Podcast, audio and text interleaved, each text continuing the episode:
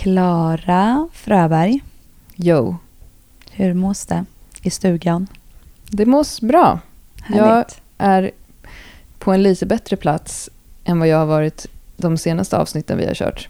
Vänta, det kommer in ett barn här som jag måste hjälpa öppna en dricka. Ett febrigt barn. Vänta. Ja, de här är svåra att öppna. Eh, Jag ska bara lägga bort micken.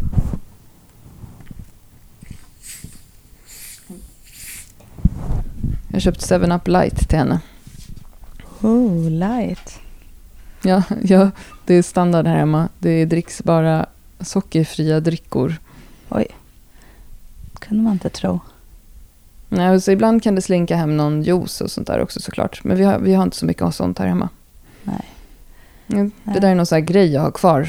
Eller har kvar, det bara sitter som en rutin. För efter all, alla forskningsartiklar om aspartam. Just det. Sockerfritt är alltid bäst. Aspartam funkar fint. Ett av de mest välstuderade eh, ämnena kan man Mm. faktiskt säga. Kemikalierna. Ja. Heja kemikalierna. Heja kemikalier. Mm, Ja, nej, men i alla fall så um, jag, är, jag mår mycket bättre nu. Vad härligt att ehm, höra. Ja, det är faktiskt. Jag, det finns nog många olika saker vad det beror på.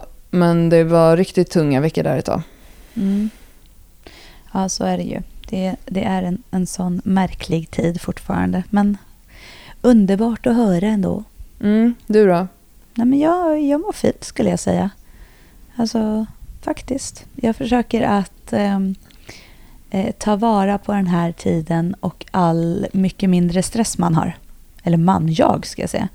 Mm. Och familjen. Vi har väldigt mycket mindre aktiviteter och så. Alltså klart att man inte har lika mycket på schemat eftersom det är eh, social distanserings eh, erbjudande tänkte jag säga. eh, alltså eftersom man eh, säger, alltså just det här med social distansering och inte träffa folk och hålla på i olika sociala sammanhang eh, mer än det man har i sitt liksom, nödvändiga och barnens aktivitetsliv, typ så. Mm.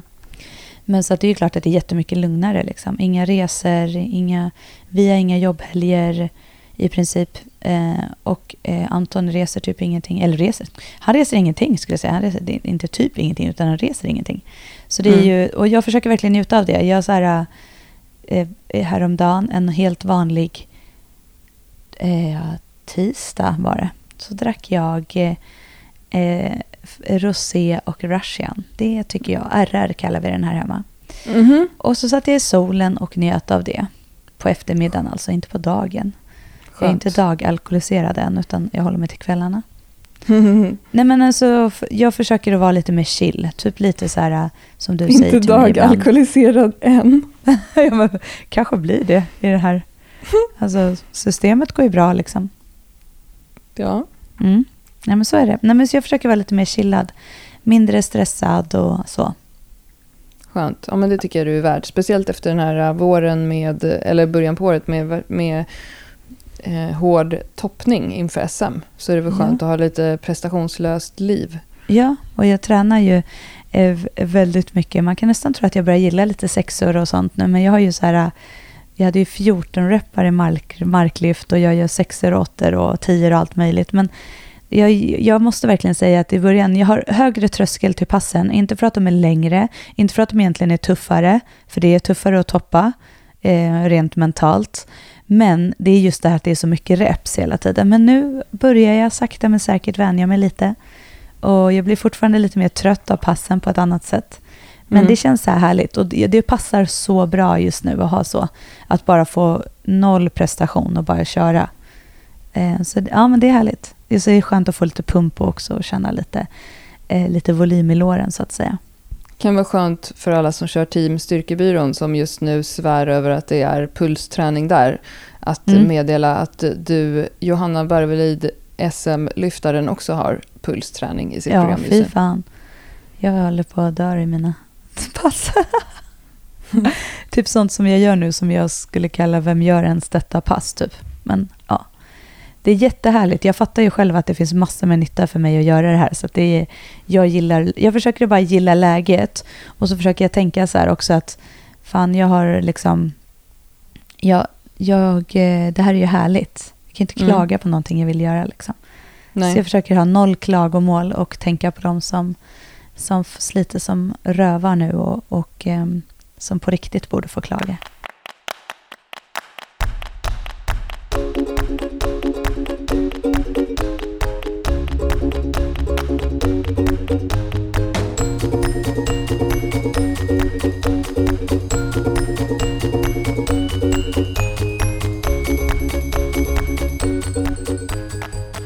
Vill du att jag ska säga några arga saker också? För jag har lite aggressioner på gång. Ja, men vadå? Berätta. Vadå, vad är du arg på? Det här som jag avslutade med, det är klagandet. Ja. Jag eh, lackar på eh, coronakilon. Det typet av uttryck eh, som folk förekommer med i olika sammanhang. Sluta upp med det på en gång. Vadå coronakilon? Eh, antingen så skärper du dig bara eller så slutar du klaga. Det är en sak. Och sen det andra är folk som eh, ska hålla på och ge tips till andra. Eh, och eh, vara så här, tänk på det här, tänk på det här, tänk på det här, tänk på det här. Och sen gör man andra saker och säger, men vad då det här är ju bara jag som ska. Typ så. Sånt blir jag lite lack på. Pratar du om coronakilon då också? Ja, eller pratar nej, du nu om... pratar jag om corona, eh, corona, corona i största allmänhet. Det här med att folk liksom tar sig friheten och blir någon typ av eh, så social media, eh, typ jag eh, ger tips och ska vara så här... Content manager. Ja. Ja men faktiskt. Men, man, men jag, man, alltså jag, jag bara vält och blockar det här. Alltså de här personerna eller dölja de här personerna. Så Mm. för mig, jag, be, jag behöver inte följa det. Men jag kan bli så här, sluta liksom hålla på lite mer. Och sen vill jag säga, uh, och sen så tänker jag som jag sa att, att det är så många som, eh, ja men så här, för inte så länge sedan nu så såg man ju så här äh, Södermalmspolisen la upp så här en fredagkväll på Söder typ. Folk Mm. är ute och så här festar, hänger på uteserveringar och där är det noll social distansering kan jag säga på de Mm. bilderna. Och så blir jag så här, vad är det ni inte fattar? Alltså, det finns fortfarande rekommendationer och det är fortfarande människor inom sjukvården som jobbar som galningar med skitdåliga förutsättningar. Och liksom, absolut att det finns de som har bra förutsättningar också, men det är väldigt mycket slit som måste jobba fast på över, över deras vanliga arbetstid och så vidare. Mm. Och då kan jag bara känna så här, skärp er liksom. Alltså vi måste Mm. ändå hjälpas åt. Och det är det jag tror också att jag blir så irriterad på folk som gör. Och så nästa sekund sitter de liksom på något landställe eller någonting. Att det också är så här, fan kom igen. Ja, Hjälps men jag håller med. liksom. Jag blir också provocerad av alla som ska hålla på med sitt rosé-njut nu. Haha, Eh, där är ju och- jag. Ja, fast du håller inte på och koketterar över det. Nej. Och sen, ehm, det var så jag, jag tappade det lite i vårt community för, förra veckan. Mm. För att ehm, min kille jobbar ju som intensivvårdssjuksköterska i Mm. Göteborg. Och han jobbar just nu, eh, har blivit flyttad på till covid-IVA på ett annat sjukhus. Eh, Och, jobbar jag- skiten ur sig. Ja, och grejen är, han kanske blir lite irriterad på mig nu, för han är verkligen en sån här person som ehm, han tycker inte om när man håller på och gnäller. Han blir, om, man, om du skulle säga så Florence Nightingale till honom så skulle han bli skitsur och han tycker inte... Han är liksom så här, jag jobbar med det här för att jag tycker det är kul och eh, jag gillar mitt jobb. Mm. Och har aldrig, jag har aldrig hört honom gnälla över någonting och klaga på sitt jobb. Men just nu så, är, liksom, så går han till en arbetsplats där han inte vet vad som ska hända. Där han liksom, vissa pass är i ett tält. Där man inte hör vad man säger. Där det är liksom ny personal. Där ingen riktigt har några rutiner. Där det är andra, annan utrustning. Det är sån sjuk situation som de är i. Vilket, och att han är också i det här tältet är för att han har frivilligt anmält sig till att hjälpa till där. Mm.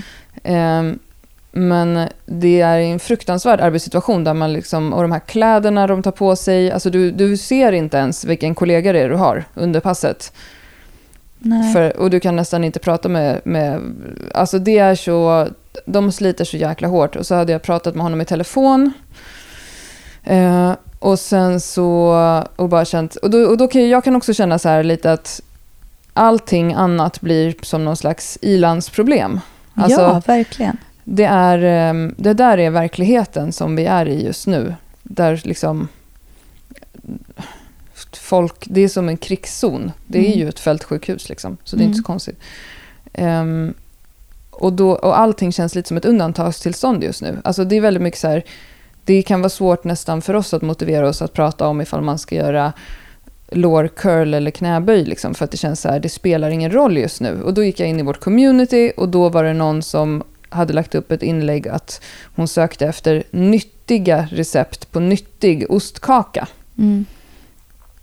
Eh, och vi har ju en regel i vårt community att vi pratar inte om kalorier och sådana saker. Vi pratar heller inte om hur kroppar ser ut. För det finns massa andra grupper på nätet där man kan hålla på med sånt. Mm. Och vi anser att det sprider bara dålig Energi. kommunikation. Energi och kommunikation. Så, men, Mm. då, har- men såklart, då brukar vi ta bort sådana inlägg. Eh, och då hade hon fått massa svar på det. Där det hade varit så här, folk som hade skrivit då, kaloriberäkningar av nyttig ostkaka. Ostkaka är ju ändå någonting som är fika, liksom. För mig i alla Ja, fall. I ja, vanliga fall. Som man äter med sylt, bär, grädde och så här. Jag älskar ostkaka för övrigt. Det är mitt, en av mina bästa saker också. Mm. Och då i alla fall så hade Lina, vår admin, gått in och då skrev hon bara så här, påminner om att sluta hålla på. Alltså det här med nyttig fika, det är ju någonting som både du och jag Ja, men det, vi Stör går oss på igång så på, jäkla nyttig mycket. fi- Ordet nyttig fika går vi igång på Ja, extremt mycket. exakt. Gre- För grejen är så här, ett, fika, det är ingenting som har med nyttigt att göra. Fika och sådana här saker, det är någonting festligt ehm, som man gör för att det är gott. Att äta saker för att det är gott är också viktigt i livet. Att njuta av saker och må bra. Och två, det finns ingenting som är så nyttigt. Alltså vad är nyttigt? Allting på en dag som du får i dig handlar om kalorier in, kalorier ut. Vill du äta Ja. ostkaka för alla de kalorierna? Gör det. Vill du äta broccoli för alla de kalorierna? Gör det. Alltså, men sluta hålla på. Alltså det kommer, ditt liv kommer liksom inte förändras för att du trycker i dig 15 daddelbollar istället för att äta en Delicato. Nej, förmodligen så kommer du få i dig mindre kalorier av en Delicato. Ja, exakt. För att folk tror att det är så här, jaha men det är ju nyttigt. Så Ja, då men kan alltså- jag liksom trycka i mig asmånga. Men grejen är att associera någonting som ska vara gott eh, med nyttigt. Det är ju helt fel tänk och det är så vi skapar liksom skeva relationer till mat. Oj, vad arg du blev nu. Ja, men jag blev så uppjagad Ja, över men jag det. Och det kan, Men Klara, I relation till någonting annat. Ja, och det var ju för att du hade haft ett samtal som såklart inte så många människor ens kommer uppleva under den här tiden. För jag tror också att som försvar för det här nu, inte försvar för nyttigt fika, men för dina aggressioner som var extra mycket Mm, utanpå nu, är ju också för att du är väldigt nära i en relation till det kaos som är- just nu. För väldigt många människor så är det ju svårt eh, att relatera till vad som faktiskt händer. Och Mm. det är såklart, så här, mänskligheten funkar ju så. Liksom man, det man själv har, det är det man kan. Som typ pekar utanför sin egna typ eh, husgräns eller lägenhetsgräns eller näsa eller vad man säger Mm. är det man kan relatera till. Så det är klart att, att eh, den här personen kan ju inte sitta och tänka så här, nu är det någon som har haft det jobbigt som jobbar och nu ska Nej, jag relatera, nej, det till, klart. relatera det till min ostkaka. Men i det, det, det som ändå är grunden i det här och att sen att du blev så här helt galen på det här och, och, och gick bananas, det är ju liksom i grunden i det här med att hålla på och prata om nyttiga fika blir väldigt snedrivet och det är det vi vill ta bort. För vi gillar liksom inte det här att man ska hålla på och skuldbelägga fika, för det är det du egentligen gör. Om du säger så här nyttigt fika så säger du att Då kan man Anna- äta hur mycket man vill. Ja, och det stämmer inte. Liksom. Det är bara, alltså så här, folk måste förstå att allt du stoppar i det innehåller någonting. Och då spelar det ingen roll om det är en ostkaka gjord på någonting annat. Alltså om du gillar ostkaka, ät ostkaka. Alltså, Mm. vill du äta keso med någon röra och nötter som du har stoppat in i ugnen för att det är något nyttigt? Jag vet inte, men jag gissar att det är det som är i. Och ägg. Eh, och ägg. Ja, men ät det då. Men kalla det för fan inte ostkaka. Kalla det Mm. någonting annat. Ostkaka har ett recept liksom. Det är som att jag skulle säga så här, nu ska jag äta nyttiga pannkakor och så gör jag en omelett. Mm. Det går liksom inte, det är olika saker. Alltså Ja. jag tänker så här, ät det du vill äta och ät det i den mängd som funkar för dig liksom. Mm.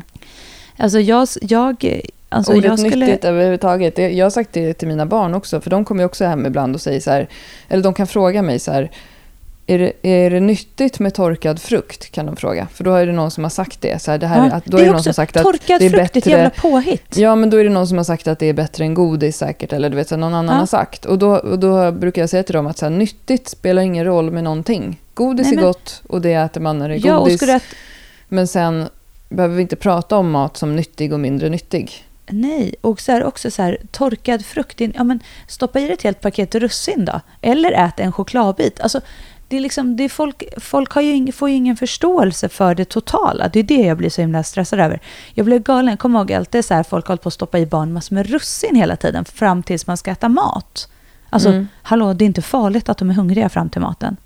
Alltså, jag kan bli galen på det där. Jag blir så helt, mina barn är så när de kommer hem och bara, jag är lite hungrig. Jag bara, ja, vet du, om en timme är det middag. Då kan du få äta mat. Det är inget farligt att vara hungrig en timme. Alltså Mm. sluta det här med att de ska hålla på, kan jag få ta någonting? Alltså bara, kan jag få ta en riskaka? Man bara, vad ger det? Alltså du kommer inte bli mindre hungrig på en riskaka. Alltså Mm. sånt där blir jag galen på. Det, det handlar inte om vad som är nyttigt och onyttigt. Det handlar om att ät så du blir mätt och nöjd. Vill du fika så fika. Men håll inte på och skuldbelägg fikat i nyttigt eller onyttigt.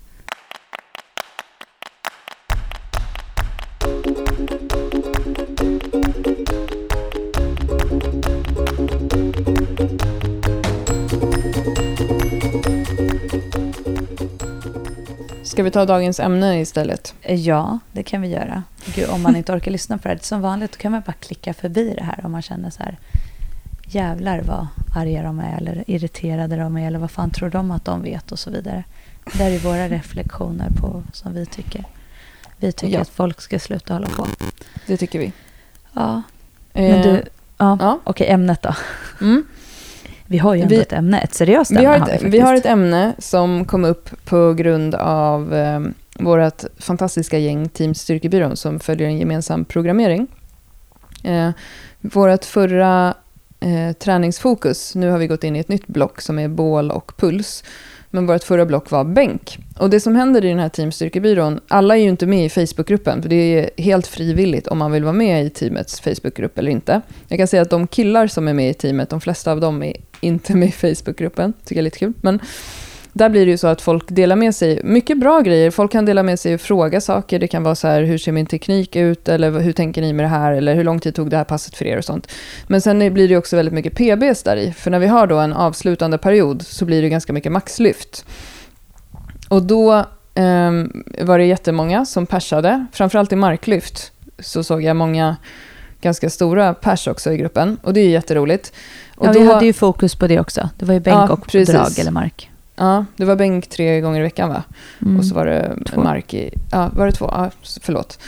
I alla fall så var det vissa som eh, tangerade sitt tidigare pers men inte persade och var lite besvikna över det. Och då startade vi lite diskussioner kring det här och så tänkte du och jag att det här är ganska intressant att ta upp i podden också. Eh, för vissa var då besvikna att man inte hade persat. Och sen så våran eh, eh, kära Umeå-kompis Evelina Wildert gick in och skrev en väldigt klok kommentar tycker jag till en tjej. Hon skrev så här, fem veckor är inte så lång tid att fokusera på en övning. Så du kanske ska vara lite snäll mot dig själv. Och det är sant, för vi hade faktiskt bara fem veckors bänkfokus. Eh, och sen en till sak som jag också skrev eh, faktiskt direkt till Evelina, för vi eh, pratade om det inför att hon skulle maxa på Instagram. Så skrev hon att hon tyckte det kändes så tungt när hon var uppe och gjorde sin sista tunga singel på 95%. Och då sa jag så här, fast vänta nu, nu gjorde ju du den med ett stopp. Och ett ganska långt stopp var det också. Mm. Ditt pers som du utgår efter är ju touch and go. Och då sa hon, just det, det har inte jag tänkt på. Därför att det är såklart att det är tyngre att göra med stopp än med touch and go. Och då får man ju tänka lite på det. Och då skrev jag också det i gruppen att nu när vi har haft det här fokuset, så var ju varför du och jag la in det var ju framförallt för att vi såg att det fanns mycket potential i att jobba med tekniken i bänk. För att det var väldigt många som fladdrade ganska mycket och studsade ganska mycket i bänken. Ja, och då väldigt körde vi med ostabila. mycket långa... Ja, precis. Och då körde vi med mycket stopp, mycket eh, långa stopp, tre sekunder, mycket excentrisk. Och det som vi hoppas att folk tar med sig efter den här perioden är en bättre teknik primärt. Mm. Eh, och då var det ju flera som var så här, just det, det är inte jag tänkt på. Nu gjorde jag ju faktiskt mitt gamla pers med stopp också. Eh, men framförallt att vi har sett att det ser jättemycket bättre ut på många filmer, för vi smygföljer ju alla de här i sociala medier och så också.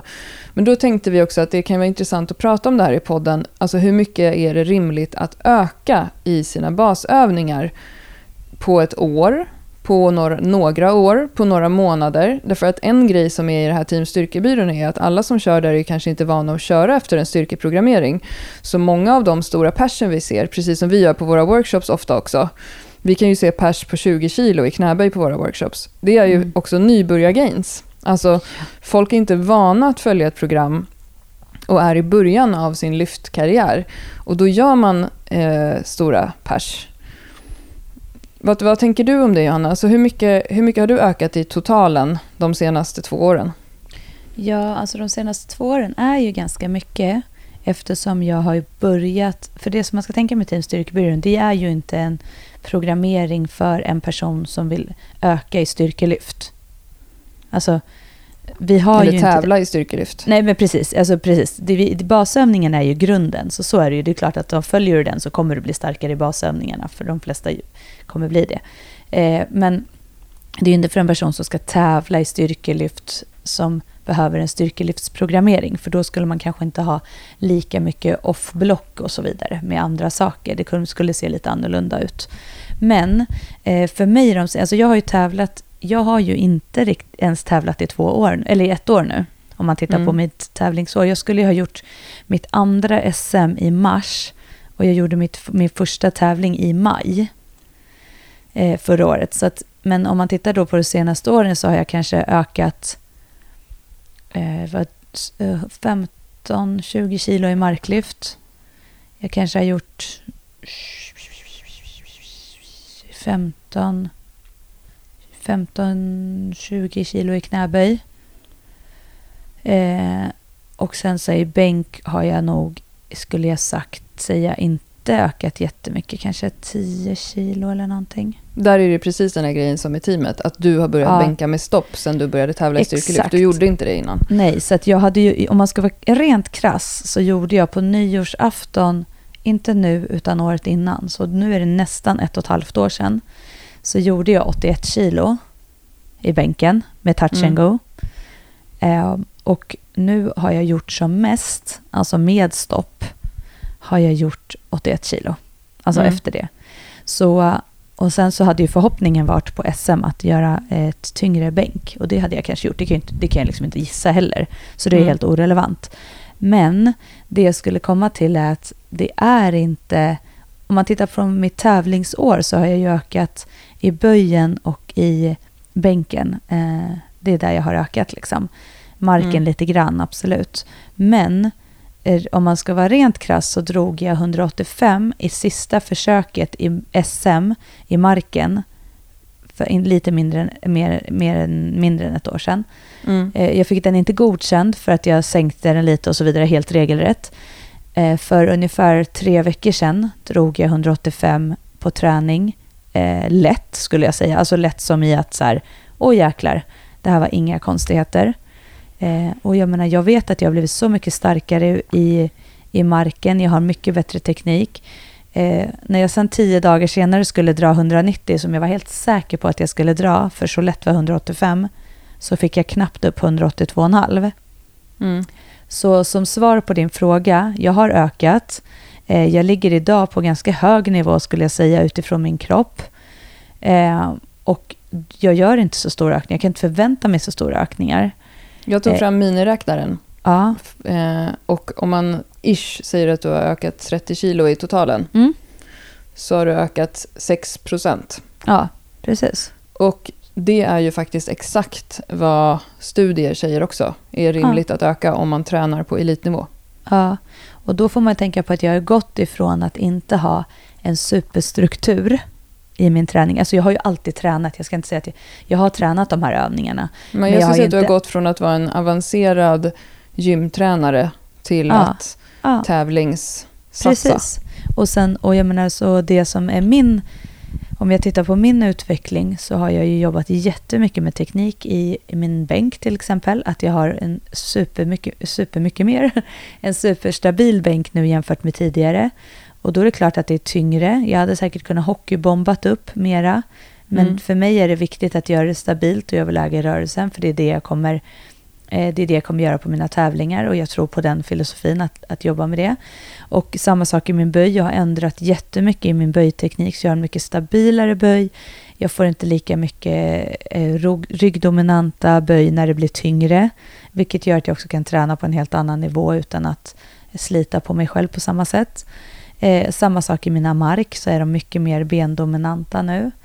Eh, och jag kan verkligen få ut kraften i benen Eh, innan jag börjar dra med ryggen. Så att alltså, det är ju...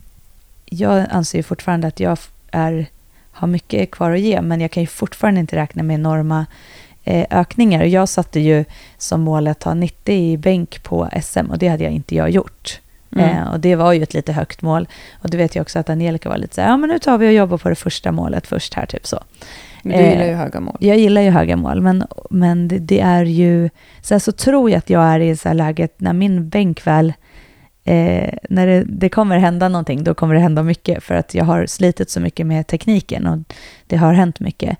Men eh, man, man måste också se till, som sagt, många som blev besvikna som vi har sett Eh, deras bänk innan var ju också så här knappt en full bänkpress. Alltså, så att det är ju jättemånga som har blivit väldigt stabila i bänken och gör väldigt fina bänkpress. Och då får man ändå titta på så här, det relevanta är ju varför vi vill eh, göra det och vad, vad vårt syfte med den här perioden var, är ju också att eh, jobba med en bänkteknik som du, där du får en mindre skaderisk.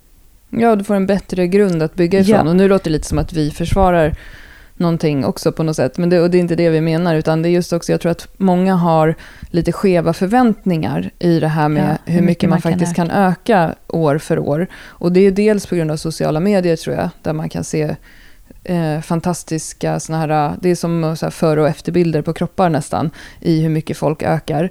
Men när man tittar då på data, som vi har gjort i det här avsnittet, så visar ju det ungefär det som vi sa för dig också nu. Att en rimlig total, att, eller ökning i totalen för någon som tä- tävlar på den nivån som du är på, är typ mellan 5 och 10 procent. Och du låg på 6 procent där och då har du jobbat jättemycket med din teknik. Mm. Och det är ju det är så många olika parametrar att ta hänsyn till. Och jag minns förra året när jag körde vårt program Bli böjsäker med knäböj tre gånger i veckan. Då var ju också mitt mål att känna mig både såklart att bli starkare, men också att känna mig bättre på knäböj. Och då vet jag att efter den perioden så ökade jag mitt max med 5 kilo, vilket inte låter mycket. Mitt max innan var 100 och mitt max efter det var 105. Ehm, men under, jag gjorde två cykler av programmet, under de cyklerna så gick jag ifrån att göra åttor på kanske 65 kilo i böj, till att på slutet stå och lätt mata åttor på 80 kilo, vilket då var Mm. 80 procent av mitt max.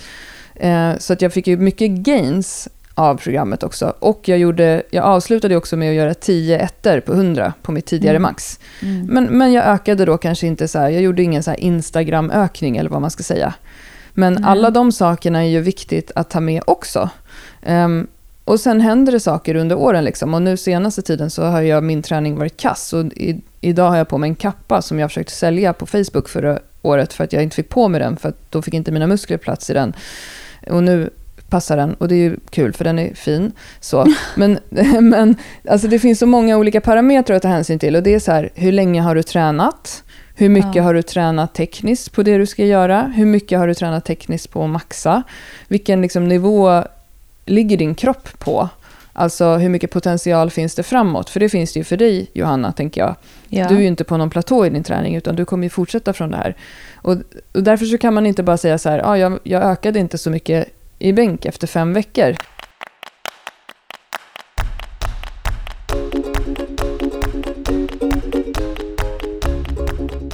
Och om man tittar på när vi tittade på lite data och så till det här så ska jag inte prata om alla, för det finns bland annat en metaanalys som visade på ökningen i muskulatur, alltså hypertrofi av bodybuilding. Mm. Eh, Det är inte lika intressant för det här som vi pratar om nu, tänker jag.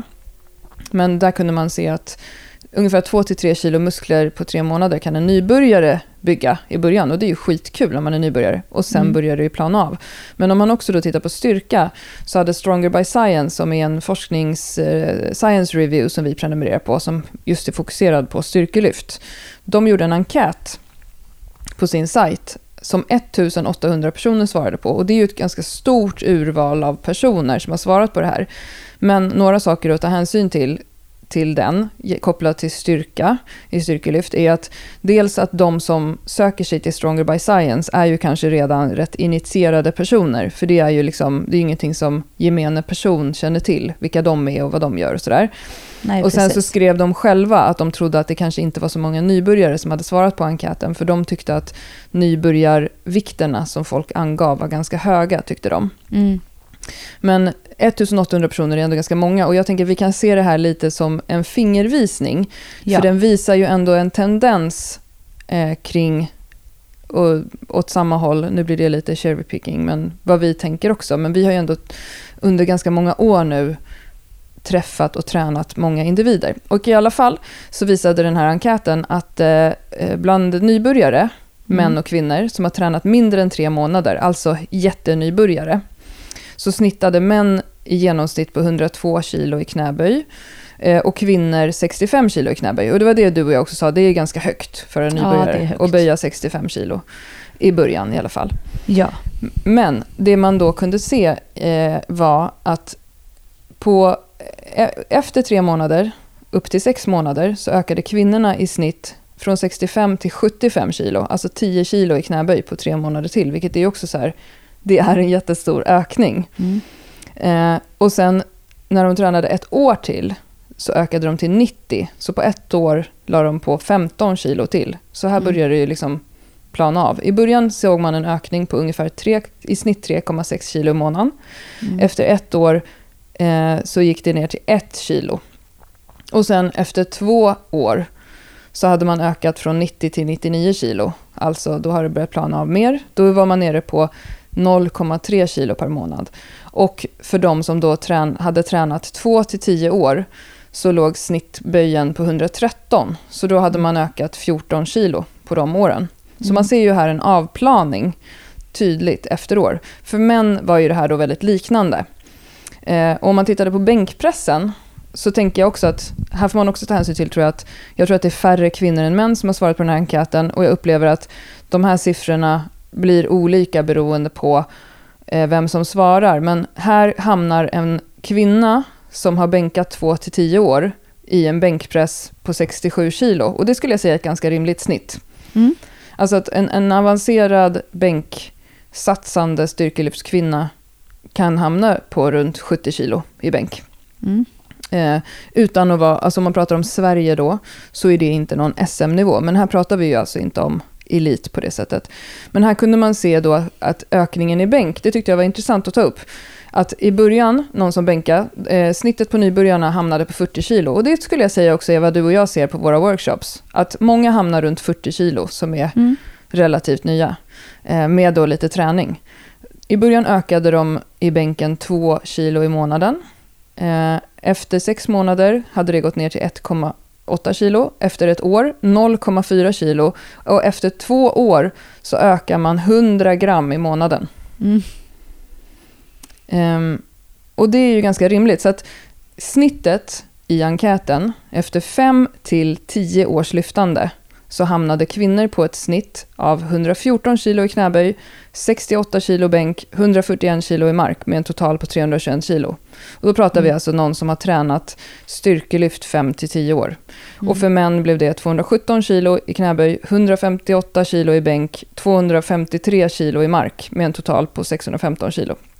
Så det här Mm. var ett snitt och det man kan lägga till då är att eh, standardavvikelsen är ganska stor. Ehm, I eh, herrarnas knäböj till exempel så är det plus minus 43 kilo. Så att ett snittintervall där kan vara mellan 174 kilo till 260 som är normalt. Och det är en ganska stor variabel där.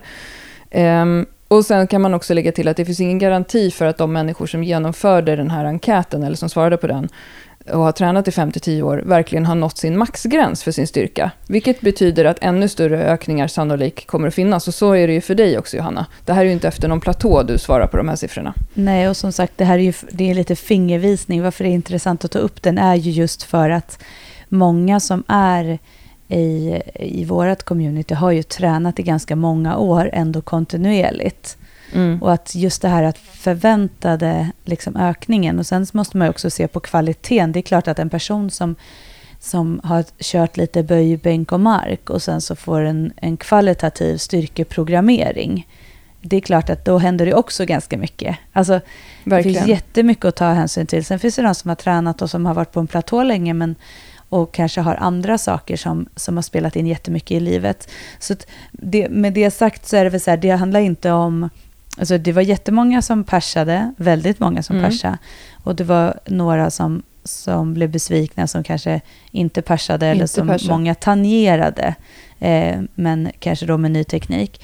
Men just att, så här, att få en förståelse för, för helheten och framförallt få en förståelse för att du kommer inte ha samma eh, gains hela tiden. Alltså det går inte. Det kommer också stå still ibland, även ja. om du sliter. Och det kan bero, som du sa, på andra saker också. Så att just det här, för en elitlyftare kan du räkna med en ökning, och det du sa nu med ett genomtänkt program och så vidare, på 5-10% per år. Om jag, om, om jag hade ökat, som du har gjort, 30 kilo på ett år, Johanna, då mm. skulle jag ju vara över kvalgränsen till SM. Och det är ju mm. för att jag har en lägre total. Så man får ju också tänka på det, att ja. 30 kilo för mig är ju jättemycket, för att jag har flera hundra kilo lägre total än vad du har. Alltså, du kan ju inte bara se så här, den här ökade i 20 kilo på Instagram.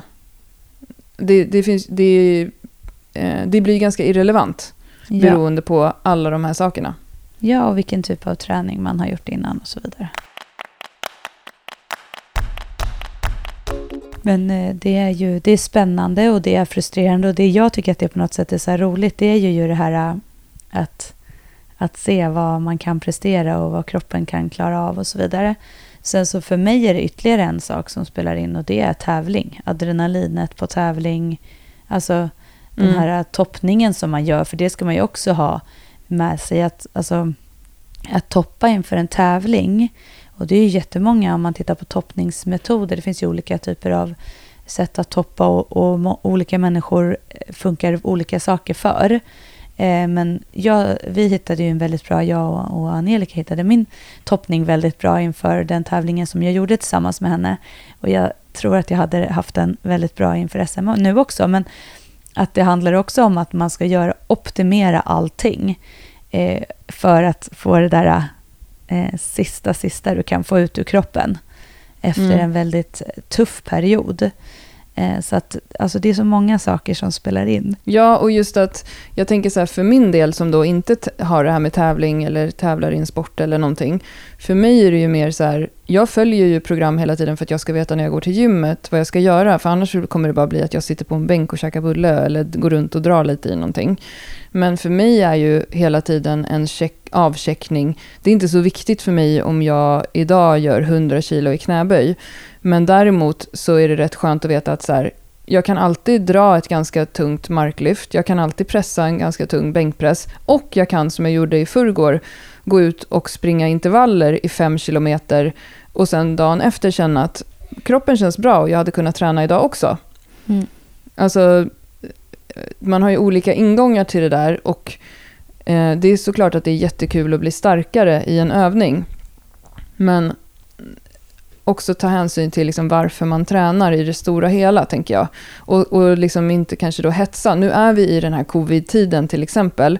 Jag tror många förstår inte hur påverkad man blir av det, även om man inte jobbar eh, inom vården. Eller, alltså alla vi har ju fått förändrade liv och det påverkar också vår träning. Alltså, det finns så många olika saker att ta hänsyn till till det. Egentligen så borde fler bara ha sin, så här, som du sa så här bra om din träning, att du har höjt, inte nu i det här avsnittet, men du sa det förut, du har höjt din lägsta nivå väldigt mycket.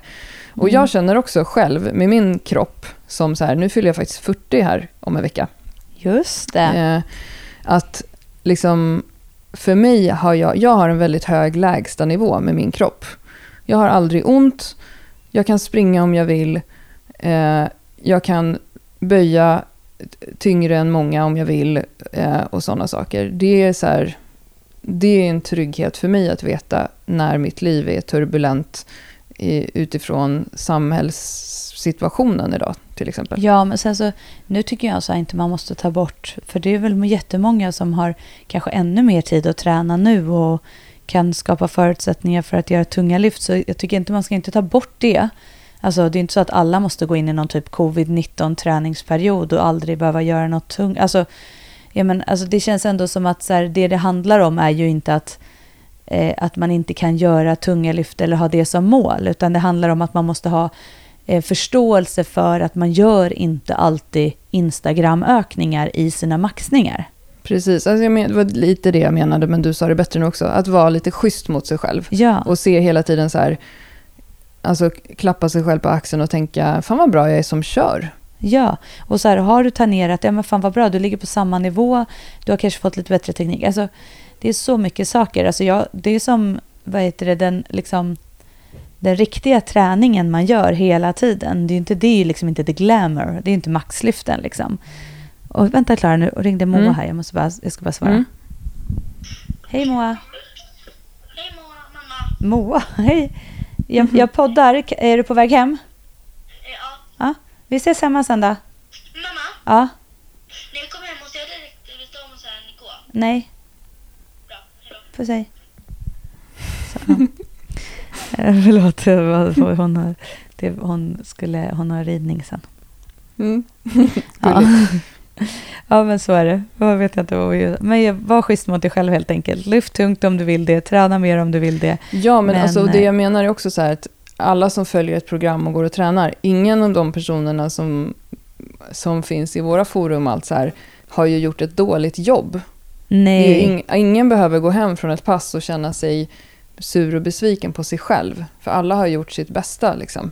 Ja, och alltså, om det, om det, när, det, när man ökar så är det roligt. Men om man inte gör det så är det liksom inte för att man har gjort någonting fel. Nej, och alltså grejen är att man kan inte alltid ligga på sina toppvikter heller. Alltså, nu tänker jag så här, när jag gör mina sexer nu till exempel, i böj tar vi då, Mm. då tänker jag så här, hur i helvete ska jag ens vara i närheten och få upp de här vikterna som jag gjorde eh, bara veckor innan SM skulle ha varit. Alltså, Mm. det är helt oförståeligt för mig. Men det spelar ju ingen roll nu, för det är inte nu. Jag har inget behov, jag ska inte tävla eller jag måste inte lägga in en maxperiod nu, för nu, just nu i mitt liv, är det inget optimalt att ha en maxperiod. Alltså, Nej. Och då är det så här, varför ska jag lägga in det nu? Nu kör jag bara. Och det är det som jag tror att många, många tänker, för jag vet att flera av de här personerna som blev besvikna är också personer som har maxat väldigt mycket. Ehm, och då, det är också såklart att om du maxar hela tiden så är det klart att du inte, varje gång kommer du inte göra tyngre vikter. Så, Nej, men det är väl det som är, du, det som är skönt med din inställning till träning är att när du får ett program, då reflekterar inte du så mycket över det, utan då kör du det. Och Jag så är du nöjd det. med det. Exakt. Istället för att så här, fundera över hur det känns och om det är jobbigt eller om det är kul eller och så vidare. Du bara litar på det. Ja, det är bra. Följer man ett program så ska man göra det. Annars finns det ingen anledning att göra det, tycker jag. Alltså, litar du inte på det du gör så, och, och känner att det finns en, en tanke, då är det inte så stor nytta med att göra det. Nej. Men, Men ja. ja, hoppas att det gav en liten fingervisning i alla fall till rimliga ökningar i totalen i basövningarna. Ja. Jag tyckte det var en bra reminder. ja, men det var rimligt. Eller det är liksom li, lite kul att lyssna på. Men det är, man, det är också så här, ja, en sak som jag ändå måste lägga till, för då kommer folk tänka så här, ah, men gud, jag är ju på typ, har ju tränat i två år, nu kommer inte jag kunna öka någonting. Man måste ändå se till vilken kvalitet, kvalitet, kvalitet har du haft i din programmering. Mm. För det är inte samma sak att ha tränat i två till tio år och så här stått och dragit lite eller gjort lite lätta vikter på gymmet och tänka att du skulle öka till basövningarna. Alltså, det finns ju ändå en så här, eh, en, jag, när man är nybörjare och vad som innebär att vara nybörjare och så vidare. Ja, men det är roligt för man kan ju verkligen tolka den där statistiken på olika sätt då, om man ser det perspektivet du sa nu. För att de har också, på, om man går in på Stronger by Science, vi kommer länka till den här artikeln i vårt poddavsnitt, Mm. så har de en kalkylator också. Att utifrån den här enkäten så kan man fylla i sin vikt och kön. ja. Eh, och då kan man få sin potential eh, till vad man skulle kunna hamna om 5-10 år om Ja. man lyfter. Ja. Och då hamnade jag på att jag var på en eh, medelnivå just nu. Ja. Och du hamnade på att du har redan passerat elit med ganska många kilon. Medans, och, och jag blev ju så nöjd då. alltså beroende på, alltså just det här med vad man har för Ja. inställning till saker. Jag blev så nöjd på att så här, ja men jag har ju inte lagt så mycket energi på det här och jag är ändå på medelnivå. Det tycker jag känns bra. Fan Ja, härligt. och det är väl jättebra. Och jag tänker att det är bra många, bra många som är starkare än vad jag är om jag har passerat någon typ av elit. Men samtidigt så kvalar jag med högre kvalgräns till SM också. Så att jag menar, jag lägger oerhört mycket tid på det. Exakt, och jag lägger inte lika mycket tid på det. Nej. Så jag, Jag är, jag är liksom nöjd utifrån det istället för att tänka så här, åh nej, jag är jättegammal och jag har hållit på och lyft i ganska många år och jag är ändå bara på den här nivån. Så här, jag, alltså, och jag vet att om jag skulle lägga samma energi som dig på det så skulle jag ju öka jättemycket. du skulle ju lätt vara med om pallplats i bänk i SM. Du har, jag försöker, du har lite dolda bänktalanger, Klara. Jag vet det. Du gör jättefin bänk och du kör, har kört kontinuerligt bänk nu, men du har absolut inte kört någon enorm satsning. Absolut inte. Och ändå så är du liksom uppe nu och börjar titta mot eh, ja, bra vikter alltså. Nej, jag säger det. Jag har, någon, jag har någon vision i mitt liv någon gång att du ska tävla i bänk. Men det tråkiga är ju nu att jag blir så pass gammal att det inte är några kvalgränser då. Fast då känns det inte lika mycket värt. Ja, jag fattar, men du kan, tävla, du, behöver, du kan ju tävla i, Jag kan du tävla kan ju med dig. fortfarande På, tävla i, i vanliga senior om det är det du vill. ja, jag måste Ja, jag sätta på mig en sån dig. där trikå en gång, någon gång i alla fall. Ja, jag tror jag skulle Alltså jag ska få dig. det. Det blir fan min, det blir min eh, utmaning här. Nu, hör, nu säger jag det. Nu säger jag det. Min utmaning i styrkebyrån är att få Klara Fröberg att tävla i bänk. Men alltså du har, alltså hon har, hon är, du har det. Jag vet det. Du är ju, du är ju per definition starkare än mig i bänk skulle jag säga. När du satsar. Alltså förstår du hur jag menar? Om, Mm. klassat till, om man skulle jämföra poäng alltså. Så du är bänk, du har bänken. Gammelräkan attackerar. Mm. Gammelräken attackerar i trikå. Fy fan vad roligt. Nu, alltså, till, nu är, känner jag att det här blir en perfekt avslutning på det här avsnittet. En positiv, kul grej. Klara Fröberg, nu säg, bestämmer det. Hon ska tävla i bänk. Uh, Okej, Ja. vi får prata vidare om det här. Ja, Jag kanske behöver skitkul. dricka lite alkohol. Okej, alla ni, som, alla ni som håller med om det här går in och kör vad heter det, någon typ av hashtag. Man ska få en hashtag för att supporta Klara i det här. Klara i trikå. Vi vill se Klara i trikå. Hashtag vi vill se Klara i trikå. Det här kommer Mm. bli 2020 års bästa beslut. Okej. Ja. I ett annat pausat år. Fan vad kul. Vad pepp jag, Jag ska- blev nu. ja, nu jag kör vi, Klara. på det. Ja, vi kör. Vi Mm. hörs igen om en vecka då. Ha det bra, hej. Kram, hej.